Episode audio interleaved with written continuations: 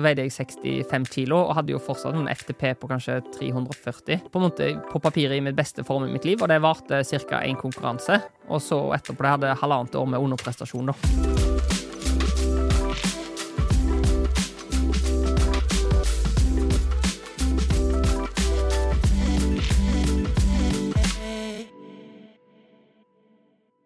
Hei og velkommen til treningsprat. Du hører på meg, Anders Muren. Og Thomas Brun. Som lova så sitter vi her med del to, sammen med Allan Hovda.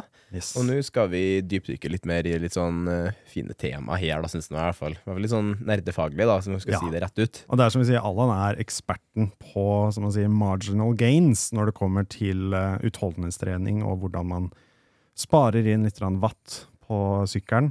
Som for eksempel, da. Så Ja. sam- Sammen få mest mulig ut av løpinga og Mhm. treninga generelt, da. Ja. Og da syns jeg egentlig veldig fint å starte rett på med ernæring.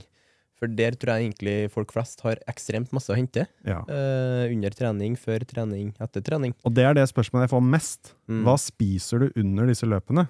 Som jeg sier, sånn, Hvis en Ironman tar 16-17 timer, som det tok for meg en gang da jeg gjorde den, hva spiser man? Hva drikker man? Hvordan holder man seg gående? Ja, eh, og svaret på det er, eh, er ganske enkelt, for det er eh, Man kan gå på engelsk, da, og det er 'it depends'. Ja. Eh, så det spørs, da. Eh, og det, det er jo eh, Det er på en måte mange, mange faktorer som spiller inn, men hele greia er ekstremt interessant, og det er mange som, som har noe å eh, Eller veldig mange som har mye å hente, da. Og vil dere først gå på trening rundt ernæring, eller Nei, skal vi si ernæring rundt trening, eller på konkurranseernæring? Hvis vi tar rundt trening egentlig først, da. Eh, Rett og slett at jeg tror i hvert fall lytterne, folk flest her, eh, retter seg mot treninga. Ja. Eh, Så det i hvert fall starte der, så kan vi kanskje grave litt dypere inn mot konkurranse Ja. Og det har jo, det har jo um, på en måte overføringsverdi, da. Eh, altså i, i den forstand at det har vært altså, trender opp gjennom historien, da. Så 80-tallet var jo veldig sånn sukkerbasert. Det var da man kom med Gatorade og, eh, og den, den biten der. Og så har man i nyere tider mer kanskje man har hatt lav karbo sant, for å prøve å øke evnen til, kroppens evne til å forbrenne fett. da. Eh, og nå er, man, eh, nå er man litt mer tilbake på 80-tallet, med litt sånn carb-heavy. Eh, eh, sånn på makronivå, da. Det de beste gjør nå, eh, enkelt forklart, eh, og det er ikke så, det, kon- konseptet er ikke så komplisert heller, og det er fuel for the work required. Mm. Så det betyr at eh, man spiser mer på en måte etter behov, eh, etter treningsmengden man har. Så har man en hard treningsdag, så spiser man mer, og har man en rolig treningsdag, så spiser man mindre. Mm. Eh, og det høres jo selvfølgelig helt banalt ut, men det som er vanlig, er at man eh, underspiser eh, på harde treningsdager. Eh, og den måten man løser det på, egentlig å øke næringsinntaket under trening. Mm. Selvfølgelig, hvis du, bare sånn, hvis du skal trene én time eh, knallhard intervall, så ville jeg spist ingenting. Eh, eller eventuelt du kan ha litt sportsdrikk, eller mm, på en måte litt Du kan ta litt sukker for å eh, på en måte manipulere kroppen til å tro at den har litt mer karbohydrater Ja. tilgjengelig. Sånn at du ikke Drikke etter tørsthet, rett og slett, da, kanskje. Ja, det er veldig sånn enkelt. Men hvis du skal ta, trene to timer og, og over, så kan man like godt gå rett på å, eh, å fylle opp eh, med karbohydrater i eh, Altså fra 60 gram per time opp til 120. Mm. Eh, og hvis du tåler det, så er mer bedre. Men det trengs gjerne litt trening, det òg. Å tilvenne seg, eller kjenne hva man trenger, faktisk. Ja, sant? og der er det jo eh, Og magen eh, fungerer òg eh, mye som resten av kroppen. Den tilpasser seg. Mm. Og den tilpasser seg på væskeinntak, og den tilpasser seg på matinntak. Så det å eh, tenke at eh, man kan begynne med utgangspunkt i 60 gram per time, det syns jeg er greit å ha det at det, det, det måte, eh, Det vil alle tåle, normalt, da. Eh, så kan man begynne på der, og så kan man øke det gradvis. da. For hvis du begynner på 120 gram eh, per time, så er det veldig høy sannsynlighet at eh, det ikke går. Og så finnes det protokoller på, som er lagd for å trene magen spesifikt. Mm. som går over Jeg lurer på om det er 8, mellom åtte og tolv uker, egentlig. Der man går fra 60 til 120, da. Mm. Um, sant? Og, og det, sånn som på, på trening så spiser eh, jeg i all hovedsak eh, vanlig mat. Eh, fordi at eh, ikke så glad i å ta eh, gel og eh, sportsdrikk, sånn, og sippe det sånn hele veien, da. Da så koster det jo en del, hvis du skal spise Mm. gel på en måte på alle treningsøkter hele tida. Eh, så jeg har jo type brødskiver med peanøttsmør, honning og banan. Eh, så- Old man snick... Nei, poor man snickers? Poor man? Snickers, ja, Påmann Snickers, det er nummer to, da. Ja. Eh, og det er egentlig eh, Det er, det er Nugatti eh, og du, du kan enten ha Nugatti og peanøttsmør, eller Nugatti også salte peanøtter liksom, i Nugattien, da. og det syns jeg det er sånn digg. Det er veldig godt. Ja, det er Eh, veldig godt. og det er på en måte på trening, så da, da går det da går det type 400 kalorier i timen når jeg Mm. sitter og sykler, og det er da liksom Det er type to brødskiver, da, med Mm. det der. Sant? Og det, det er mye, og det går det sant? Så sykler jeg en femtimerstur, så går det Da er det fort gjort at vi er liksom på åtte brødskiver og ehm, Ja, noen sånne kanskje energibarer eh, i tillegg, da. Og at du har det som på en måte vane på Og det er jo rolig langturer, fordi at tidligere så så tok jeg på en måte, Da var jeg veldig på å spise lite for å på en måte øke fettforbrenningen. Da. Eh, og det er noen økter man kan gjøre det på, og det fungerer jo. Eh, men det er jo stor risiko for å eh, på en måte ikke få god nok restitusjon etterpå. Mm. Eh, og ikke få på en måte en, et godt utbytte av treningen. Så det er noe jeg ikke vil anbefale egentlig noen å gjøre. Det er, sånn, det er for eliteutøvere som har en sports... Eh, på en måte ekspertise på sportsernæring i, i bakhånd som kan styre det. Mm. For det er egentlig det er veldig avansert, og så er det en, på en måte en, en Sannsynligheten for å få et stort løft er ingenting. Eh, så det er liksom helt, det er helt på, på, en måte på marginnivå, da. Mm. Så det er noe som egentlig eh, burde ha forbeholdt de aller, aller, aller beste. For tenker du sånn, sånn Når du snakker om eh, i forhold til næring i, eh, etter x antall timer trening, veldig, eller mye trening, som du sier, da, så kan jo veldig mange som da eh, tenker at eh, for dem er jo en økning fra 20 minutter til 40 minutter trening eh, ganske mye. Mm -mm. Men det er ikke eh, da nødvendigvis å ha den samme inntaket av næring på en 40 minutters økt, sjøl om det føles mye for deg. Eller ville du anbefalt en person som da øker, som fortsatt føler at en 40 minutters langtur da, føles mye, og fortsatt ha en inntak av ernæring? For jeg, min sånn opplevelse er i hvert fall at det er ikke strengt tatt like nødvendig, da, for kroppen klarer seg på hvis du har hatt et godt måltid i forkant. Men når du begynner å bevege deg langt over 40 minutter, over en time og sånn, da er det mer relevant. Ja. Mm. Ja, det er ikke, det er ikke, det er ikke vits eh, å på en måte spise under de lange øktene, men hvis du har en hard eh, intervalløkt, om den kan være 40 minutter, Mm. Så, så må man ha gjort jobben i forkant. Mm. Fordi at eh, hvis man går tom for karbohydrater, så går prestasjonen veldig ned. Ja, du rekker jo ikke å ta opp på den korte tida. Nei, nei, Det er jo nei. litt det du- som er hoved... Ja, sant? og Mm. da må jo fokuset være i forkant. Mm. Sant? Sånn at eh, hvis du skal ha den eh, Hvis du skal ha den treningsøkten rett etter jobb, eh, så må man må det, Så bør man enten ha spist noe eh, Det kan være et par timer i forkant. Altså noe Det kan være havregryn. Mm. Eh, eller brødskiver med peanøttsmør og bananer og honning. Mm, mm. Eh, eh, eller så kan man ta kanskje en gel kvarter før. Mm. Ja. Altså på en måte sånn for at man ønsker å gå inn i den økten med så høy karbohydrattilgjengelighet som mulig. Mm. For det, det, det vil gi ma maksimal prestasjon på den økta. Og det er bare på en måte ikke bry seg om det man kaller altså sånt eh, usunn mat i hermetegn med liksom sukker og helse. Altså det, Mm. jo mer karbohydrater tilgjengelig, jo Mm. mer kan du prestere. Ja. Og det ikke, du, du får ikke diabetes på det. Eh, så, sånn at eh, man spiser for å prestere optimalt på treningen. Og det er Mm. den måte, det er den kvalitetsøkten det er det som gir resultater. Sant? Men du, Mm. du skal ikke Det er viktig å ikke på en måte trene eh, liksom Ikke tenke at du skal slanke deg når du Mm. trener.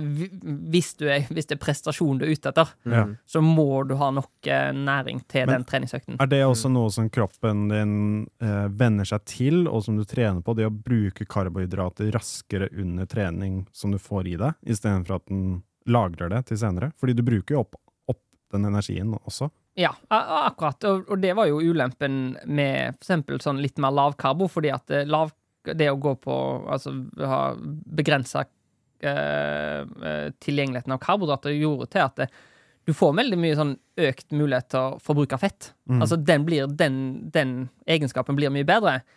Men egenskapen til å forbruke karbohydrater den går også samtidig ned. Ja. Så på en måte regnestykket går ikke opp i favør for lavkarbo. Sånn at det, det å ha høy karbotilgjengelighet gjør òg at du blir bedre på å bruke det. Mm. Um, så det er helt, helt rett som du sier. Og det òg Jeg har jo brukt um, sånn glukosemåler um, under, uh, under treningsøkt, og det å spise sukker, uh, basically, da, som det er jo som gel og sportsdrikk, og det er jo det det er, Mm. uh, gir ikke samme uh, sånn glukoserespons under trening, fordi at uh, uh, det går, i, det går rett, i, rett i muskulaturen, da. Yeah. Mm. Sånn at eh, det, er ikke, det er ikke sånn at du får kjempehøyt eh, på en måte blodsukker, eh, en topp, eh, etterfulgt av massivt insulin, eh, på en måte respons og blodsukkerfall. Det, er ikke, det fungerer ikke sånn under trening. Mm. Så det er viktig å på en måte få vekk tanken om at nei, nå spiser jeg noe usunt. Mm. Fordi at hvis du, hvis du, hvis du sitter i sofaen eh, på normalt, og så spiser du en halv kilo iskrem, så vil du på en måte få veldig den høye toppen og, og den lave bånd. Men hvis man gjør det på en måte gradvis under trening, så får man det ikke. Mm. Den holder seg mer stabil, rett og slett. Ja. Mm. Rett og slett. Desto bedre utvikling og prestasjon, da. Ja. Eh, Rett og slett sånn basically. Det er det vi snakker om her, da. Ja. For det, det- du var litt sånn kort innpå det i stad. Eh, det å trene i forhold til eh, prestasjon versus trene bare spesifikt rettet mot vektnedgang. Ja. For vi har jo eh, Både jeg og du har lagt ut et innlegg om det nylig, da. Eh, vektnedgang kontra eh, nedgang av fettprosent. Ja. Det er jo en veldig, sånn, veldig mange som sikter etter å vil komme i bedre form. Burde egentlig sikte mot å gå ned i fett Ja. kontra å gå ned i vekt. Ja. Det er jo et sånt fint skille der òg. ja. Og det var jo litt um, Jeg skrev det etter deg, eh, på en måte, og bare sånn for, for min vinkling sin del. Og vi er jo helt, uh, vi er jo helt enige i det at, uh, at eh, at det når folk sier at de vil gå ned i vekt, så er det kanskje ikke nødvendigvis egentlig det de vil. Det er jo Mm. fett du vil. Ja. Sant? Fordi, og da på en måte som jeg da skrev i mitt innlegg, at eh, ja, du, du sier du vil gå ned i vekt, og så sier jeg OK, da, da, hvis jeg knipser med fingrene, da, så får du ønsket ditt, og så mister du ti kilo med muskler. Mm. Ja. Da vil de fleste si hei, hei, hei, det var ikke det, var ikke det, det, var ikke det jeg egentlig jeg, det, var ikke, det var ikke ønska, ja, men liksom, du har jo gått ned i vekt. Og det blir det at eh, hvis man på en måte går med kaloriunderskudd når man trener, da, Mm. da er det sånne ting som kan skje. Ja, det går jo til muskellagrene, rett og slett. Hvis du ligger i for høyt kaloriunderskudd og lengre tid, Ja. og samtidig eh, forbruker veldig høye kalorier, som gjerne en person som løper veldig mye gjør, da, eksempel. Ja. Mm. Sant? Og jeg er jo veldig imponert over deg, Anders, med tanke på at uh, du gikk ned 40 kilo på seks måneder. Ja. Altså, det det virker jo helt ekstremt, og jeg ville jo aldri, hvis jeg skulle på en måte anbefale noen hvis noen har lyst til å gå ned 40 kilo, si ja, det er toppers, da kan du sette av tre-fire år til det. Bare for å, for, for å få på en måte den uh, Altså ta det gradvis, altså veldig små stegene til, mot en bedre livsstil, rett og slett. Mm. Ja, nei, sånn, eh, jeg er veldig glad for jeg gjorde det da, i den aldersgruppa jeg var da, og Mhm. ikke begynner på det nå. For jeg tror at uh, da liksom eh, kroppen min da hadde bare hadde godt av Jeg var jo overvektig sånn, på nivå som ikke var bra. Mm. Mens jeg hadde vært det nå, så hadde jeg vært, sikkert vært enda større og hadde enda mer behov for det. Ja. Men at jeg heller starta på det tidlig, er jo jeg veldig, veldig glad for. da Ja. Det har gitt meg enda mer muligheter nå til å ha utelukkende fokus på prestasjoner, Ja. i stedet for å må da ha en vektnedgangsfase Mm. først igjen. da ja. Men, men jeg føler også at man får et mye sunnere syn på mat og, og sånne ting også, hvis du tenker prestasjonsmessig, og Mhm. ikke utseendemessig. Ja. Fordi da ser du på karbohydrater som bensin Ja. for kroppen, Mm. uh, for trening. Og du tenker at det å ligge i underskudd, som du sier, da mister du muskler, og det er ikke bra for restitusjonen. Nei. Og da skal du spise nok, istedenfor å passe på at du sp ikke spiser for mye. Mm. Det er på en måte Fokuset blir litt annerledes, da, og jeg føler at det er sånn vi tenker litt nå også. Det er, Mm. det er litt sunnere, det. Ja, men det er jo litt artig hvis man ser fra det jeg holdt på med før, som var kroppsbygging. Ja. Så er jo, hvis man ser på en fysikk, da En fysikk blir betraktelig Hvis man bare ser på det, da, utelukkende det En fysikk blir betraktelig bedre, i hermetegn, eh, med litt karbohydrater i kroppen, for Mm. man fylles litt mer opp, mm. kontra når man ikke har det. For da blir man ikke så flat, som man kaller det. da Ja. Helt Ja. flat og helt liksom udefinert. da Mm. Så det er ganske utrolig å se. Eh, i hvert fall når jeg stilte sjøl i fitness og hadde den carb-loadinga der, da Ja. bare for å få den lille bumpen. Ja. Men òg samtidig få den sjølsikkerheten på seg sjøl, Ja. hva karbohydrater gjorde. Ja. Og da kjente jeg det virkelig på kropp i 2019, og på humør, da, ikke minst, hva Mm. karbohydrater kunne bidra med. Ja. Mm. Så når folk kommer til meg nå i dag og som er nesten litt redd for å øke mengden sin med brød og sånn etter hvert, når, Ja. når man skal gå ut ifra en underskuddsfase. Da blir jeg veldig sånn Det første jeg tenker, er å bare feede med altså, prestasjon, prestasjon, prestasjon. Ja. Tenk deg hvor godt dette her gjør deg på den knebøyen neste uke. Liksom, Ja. Den utviklinga der, da. Mm. Så rette mat bort ifra at det er en farlig ting, heller til en prestasjonsfremmende ting. Tenker Ja. jeg vi, vi må bli flinkere på generelt egentlig å fremme. da. Ja, for det, det, det har det, har- har fått et, et sånn klima der noe blir ja-mat, og noe blir nei-mat. Mm. Og på en måte, det kan være sånn at du ja, får liksom poteter. Det må du ikke spise, liksom. Mm. Eh, For det er jo eh, Det er nok et, et uheldig um, på en måte bilde å få. Og det jeg kunne bare sånn kjapt si, sånn for min egen del, eh, så hadde jeg en periode der jeg eh, spiste litt uh, lavere karbohydrater. Eh, det var kanskje når det var trendy. Uh, eller så er sånn Jeg flørta litt med, kan man jo si, med å gå ned i vekt Mm. for å bli bedre. Og da, eh, da Jeg hadde kanskje sånn 200 gram karbohydrater i, i døgnet. Så det var jo, men da var jo treningsmengden opp mot 30 timer i uka. Ja. um, sånn at jeg var jo i det ketose, uten ubevisst, men det er jo Mm. kona mi lukta det, for du får en sånn rar lukt. uh, Ja. Og det er jo Jeg gikk jo ned uh, tre kilo med rent fett Mm. uh, på, på en periode på tre måneder. Så det var ikke noe helt sånn vilt og galt, men det var jo det å gå ned fra knappe 12, eh, 12 fett til 7,7 var jeg nede i da. Mm. Eh, prosent fett, da. Og da, var jo, hadde, da veide jeg 65 kilo, og hadde jo fortsatt en FTP på kanskje 340. Og det var jo på en måte på papiret i mitt beste form i mitt liv, og det varte ca. én konkurranse. Og så etterpå det hadde halvannet år med underprestasjon, da. Ja. Ja, shit. Fordi at eh, på en måte strikken var strekt for langt. Ja. Eh, sånn at det, det, skulle, det å på en måte miste liksom tre kilo med fett burde alltid eh, gi økt prestasjon. Sånn eh, matematisk. Sant? Mm. Du, klart, du, du klatrer mye bedre hvis du, hvis du mister tre kilo Mm. eh, fett. Og muskulaturen var det samme som målt på det, sånn Dexa-skanner på Olympiatoppen. Mm. Eh, men det var, virka bare ikke, da. Så det er bare sånn, for, for, for alle som har lyst til å måte øke FTP-en sin med å slanke seg, så er ikke det eh, det, er ikke, det er ikke utelukkende oppside på det, da. Mm. For da kan vi egentlig begynne å gå litt mer over til uh, i hvert fall noe jeg vil dypdykke enda litt mer i. da. Det er sånn treningsprestasjoner og sånn. Tidligere har vi jo snakka litt om intensitetssoner, eh, men jeg vil høre litt mer med deg om intensitetsstyring. Det er fordi jeg føler er et begrep jeg føler etter hvert når mange begynner å løpe og man hører begrepet intensitetsstyring. Jeg føler veldig mange som overtenker det, eh, burde ikke, egentlig ikke gjøre det. Og de som burde overtenke det, er egentlig de som er på topp, topp nivå. Hva er ditt forhold til intensitetsstyring? Um, ja, så intensitetsstyring, da eh, Det er jo Man har jo et, et eh, par eh, metoder for å bruke det på, og den, den på en måte basically Altså sånn eh, Den enkleste er jo å ta det på type magefølelse. Mm. Eh, og det er jo veldig mange ofte Jo bedre du er, jo bedre magefølelse har du. Mm. Altså det er jo Hvis man ser på historien, eh, så kan man se Eddie Mørks, for eksempel, som altså den kan, kanskje den best trente syklisten med tanke på FTP i hele historien Og FTP er for de som ikke vet. eh, functional threshold power, Ja. så høy eh, på en måte effekt du klarer å holde i en time, da. Ja. Sånn cirka, sant?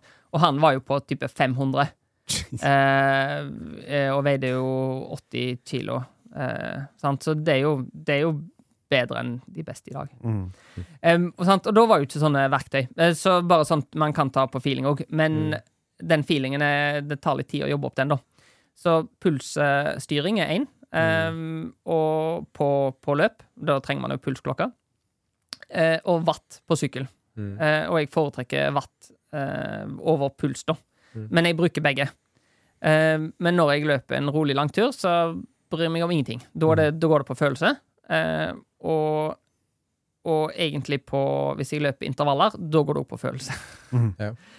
Eh, og når jeg er ute og sykler, da, så går det òg på følelse, men da, eh, når jeg kjører intervaller på sykkel, så ser jeg litt mer på watt. Ja. Fordi at um, det vil Min subjektive følelse vil være uh, at det føles lettere i begynnelsen Mm. Eh, på den vatten du skal holde. Så hvis at du går på at du skal, det skal være um, på en måte åtte av ti da, i hardt, Mm. uh, så går man gjerne ut for hardt på watt. Altså at du, hvis du skal kjøre en, uh, hvis du skal kjøre en intervall på, på 300 watt, så hvis du går ut fra subjektiv følelse, så starter du kanskje på 340, Mm. og så avslutter du kanskje på 250. Mm. Sant? Og det blir for ujevnt, da.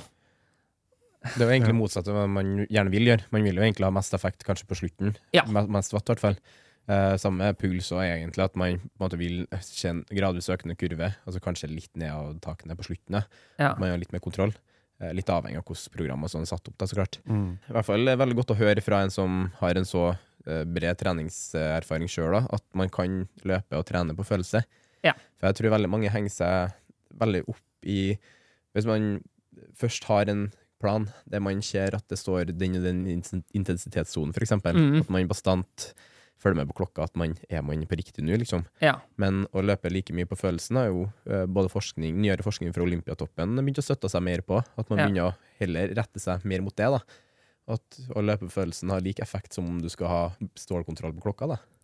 Ja, jeg tror òg det at eh, det der skillene mellom, mellom sonene kan gjerne bli litt kunstige.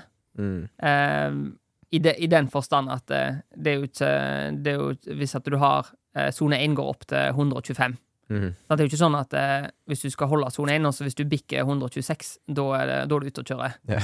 Ja, altså, altså, I den forstand at eh, det kan jo være altså Både hvis at det er varmt, og hvis man er dehydrert. Sant? Så det er mer, litt mer sånn Hvis at du skal ha en rolig langtur, eh, men så kjennes det hardt ut, da er det på en måte for hardt uansett hva pulsen sier. Så du Ja. kan bruke pulsen som um, et type verktøy. Jeg, jeg bruker jo pulsen altså mer sånn Det kan være hvis at den er veldig høy, eh, sånn hvilepuls om natta, da. Ja. At, eh, at det da, da det kan være at du er overtrent Mm. eller underrestituert. Mm. Mm. Sant? Og, det, og det kan man bruke som, som slags styring. da, At min, eh, min puls på lavest puls på nettene er mellom 38 og 40. Sant? Og hvis at den bikker da 43, eh, 44 eller altså sånn der, da, eh, da er det noe som ikke er rett. da. Ja. Ja, men det er sant. Det er egentlig et veldig godt poeng å tenke Mm. litt, rette litt mer mot det. Uh, jeg har ikke siste året nå har begynt å løpe litt med Det var egentlig bare for å eksperimentere litt med, men ha på meg en sånn strid, da, stride. Ja. Løpe litt med wattmåling, da. ja. Uh, må si at jeg brukte litt mest i starten og kjent litt på det. Men Mhm. etter hvert så har jeg jo kjent at det, den følelsen, i hvert fall ifølge da, hvis du tenker på intensitetsstyring der, den stemmer jo med den følelsen min. Så Ja. jeg har jo en noenlunde god styring på det. Så Men jeg, jeg husker jeg merka det selv. Jeg fulgte veldig mye med på starten. Ja. Og så jo mer du trener, jo mindre følger du med på klokka og pulsen og sånne ting. Så Mhm. nå så skrur jeg av de varslene på klokka. Så jeg får jo det fra deg liksom en pulssone jeg skal holde meg innafor Ja. på rolige løpeturer. Ja. Men som du sier, hvis jeg føler at jeg løper rolig, og så sier klokka nei, du er litt over, Mm, så tar jeg det mer på følelsen. Men, Ja. sånn, det føles bra, så da holder vi oss her. mm. jeg tror det er veldig fint folk å ha veiledende, da. Ja, ja, det er fint å sjekke en gang iblant og bare sånn, se om det ligger bra, men også se også sånn hvilepulsen er, er bra og sånne ting. Men det kommer opp veldig mye vibrering og varslinger etter hvert, så det bare skrur av, skrur av, nyter, nyter turen istedenfor. Ja, og det er jo der eh, man mm, sier det å eh, på en måte prøve bare å kalibrere på en måte sitt indre kompass, for det, at, eh, det er jo veldig mye kroppen på en måte gir deg beskjed om, Ja. Mm. hvis man velger å høre etter. Sant? Og det å, ehm, det å Hvis du skal kjøre til watt på sykkel nå, det å prøve å eh, Ja, du skal, du skal kjøre på 300 watt, og så kan du gjøre det, eh, og så kan du på en måte bare sette teip over vatten og så se klarer du å treffe det utenom. Altså Ja, bare for å liksom prøve Ja. å Ja. Fordi at under en Det kan jo skje under konkurranse at, um, at wattmåleren faller ut, sant. Mm. Eh, og det gjorde den jo på Gustav uh, Iden, når han kjørte VM. Stemmer Så han fikk jo ikke wattmåleren til å funke, sant. Men det jo Det var jo ikke, ikke noe stress. altså sånn på en måte fordi at man han godt tuner opp mot det, da. Og Mm. det er jo ikke Det er jo en, en treningssak som, sier, som alt annet. Ja. Det, er, det er trenbart. Eh, og det, det er noe verdt å på en måte bare være en bevisst For det, er ikke noe, det, det krever ikke noe mer energi eller tid i treningen Mm. å prøve å på en måte kjenne etter er, er hvor mye hva intensitet ligger jeg i nå, og så Ja. kan man se opp mot vann og pulsen og se om det stemmer. Mm. Um, for det er jo sånn som Jeg har jo løpt um, Løper jo nesten bare på tredemølla på intervallene mine, fordi at det er lettvint, da. Eh, og jeg syns jeg fikk på en måte best effekt ut av det, og på en måte klarte å pushe meg ganske mye, da. Det, men grunnen til at altså, Det var ikke like lett å pushe meg ute, fordi at da må du være tiden påkobla. Mm. Men hvis du er på mølla, så er det jo bare til å Eller sånn, du må jo løpe den farten, ellers faller du av. Ja. Mens ute så må du ikke løpe den farten, for det eneste som skjer, er at du løper saktere. Men Ja. Det å bare løpe på mølla, da, så distanserer du deg litt fra det å løpe ute. Mm. Og finne liksom den intensiteten. Så på en måte etter korona da, så stengte jo treningssentrene, og etterpå det så har jeg ikke, vært med, har jeg ikke meldt meg inn igjen. Nei. For da måtte jeg jo løpe ute, og så etter man har gjort det ute på en måte så lenge, da, så får man en mye bedre følelse. Så på en måte nå klarer jeg å løpe mye bedre kvaliteter på intervallene. Mm. Så løp mer ut, da, rett og slett. Det kan være, i hvert fall for folk som skal konkurrere ut, da. Det er jo da Ja. veldig relevant, da. Ja. Men, men jeg liker den tipset der om å liksom teipe over og så gjette litt på Mm. hvor du tror, tror du ligger. Og så sjekke etterpå om du tok riktig eller ikke. Ja. Ja, og det er jo ikke, sånn, ikke noen stor risiko for at det liksom skal ha skjedd. Altså, sånn, og det er jo bare hvis du kjører intervalløkter på det, og så ser du at ok, da starter jeg for hardt og avslutter for, for svakt, da, på grunn av at du starter for hardt, eller, eller så har du en god følelse på det. Sant? Mm. Og det, er- det er absolutt en skill det, det er fint å ta med seg. For nå har jeg et tema, i hvert fall eh, siden vi snakka litt om tredemølle, da. For eh, vi har prata litt om løpesko før, da. Og det er et Mm. veldig sånn interessant tema, egentlig. Ja. Uh, og du har jo en uh, Husker vi prata om to ulike løpesko du sammenligna, da. Ja. Kan ikke du snakke litt om den, den, det du tok med derfra? For hva gjorde du for å finne en perfekt løpesko for deg? Jo, nei, bare sånn kort fortalt, jeg var Ja. jo sponsa av Hooka. Eh, og så kom Vaporfly sin 4 4%, eh, og jeg trodde jo ikke noe på Altså, jeg trodde det var markedsføring, da. Eh, men jeg fikk iallfall muligheten til å prøve en, da. Og det merka at det, det var jo 4 det stemte jo midt i blinkene. For min del. Så det var jo veldig, veldig god effekt av å løpe med de karbonskoene. Og da Mm. på en måte gikk eh, kontrakt med Hooka ut det året, og da fornya jeg ikke. Så måtte jeg heller begynne å kjøpe min egen sko, da. Det er fordi du gjorde da, var å sammenligne på mølla, var ikke det? Jo, og da løp jeg en økt på mølla med tre, tre minutter på og ett minutt av. Mm. Eh, Så gjorde jeg det på samme Og så er det intervallene. De går sånn type til 21 intervaller av det. Så veldig sånn lang, lang økt. Mm. Og da, i begynnelsen, så var pulsen lik på, på begge skoene, og så ser du at den gradvis eh, går oppover med de, eh, de, de ikke-karbonskoene. Mm. Eh, og samtidig som at det, økta ble utrolig hard. Og så når jeg gjorde samme økta på en måte uka etterpå med karbonskoene og samme mølla og den biten der, så var det bare en helt annen verden. Og jeg Mm. avslutta jo siste intervallen med ti pulsslag lavere. Mm. Sant? Og på en måte følte jeg kunne fortsette eh, sikkert fem, eh, fem eh, rep til. Mm. Eh, mens den andre så var jeg på en måte ferdig ferdig. Så det var en veldig stor forskjell på effektivitet på min del. Så det var Interessant. Ja, jeg er ikke, jeg er ikke sånn eh, på en måte stor eh, eh, sånn Nike-fan sånn fra selskapssida, men skoene de lager er veldig gode. altså, det er veldig interessant man kan dypdykke, i hvert fall sammenligne sånn. Eh, Ja. For veldig mange er jo veldig interessert i løpesko, Mm. og liksom lurer på hva- er beste løpesko. Ja. Uh, men det er så klart svaret det, for det er jo sånn, som du sa, it depends It depends. veldig mye. Men det var litt sånn kult å bare få den sammenligninga sånn sett, da. I hvert Ja. fall i forhold til eh, Det er jo veldig relevant i mot langdistanse, kan man jo si, da. Den 4 prosenten der. Ja, absolutt. Og da tenker jeg, i hvert fall for nå, da har vi Det var det vi rakk. inn tre veldig fine tema som veldig mange kan relatere seg i. Mm. Eh, Allan Hodda, tusen takk for besøket. Eh, vi kommer til å invitere deg over igjen senere. Eh, Eh, Without a doubt. Sann glede. Det Ja. var alltid, alltid interessant. Så hvis at noen har noe de har lyst til at uh, man skal ta opp, så kan man sikkert komme med forslag. Ja, Gjør gjerne vi det, får legge ut en spørsmålsboks. Fordi vi har så vidt uh, begynt på Vi har bare så vidt uh, touch the surface her. Mm -mm. Og så Allan Hovda, at Allan Hovda på Instagram, ikke det? Jo, Allan Hov, tror jeg, men hvis du søker Ja, Allan Allan Hov, Hovda, så kommer det Ja, opp. ja, det er det. Ja. Det går fint. Han og DMs-a hans er åpen for alle. Yes. Veldig, veldig bra. Takk Yes. for besøket. Takk for besøket, så snakkes vi snart igjen. Ja det. Ha det bra. Hei.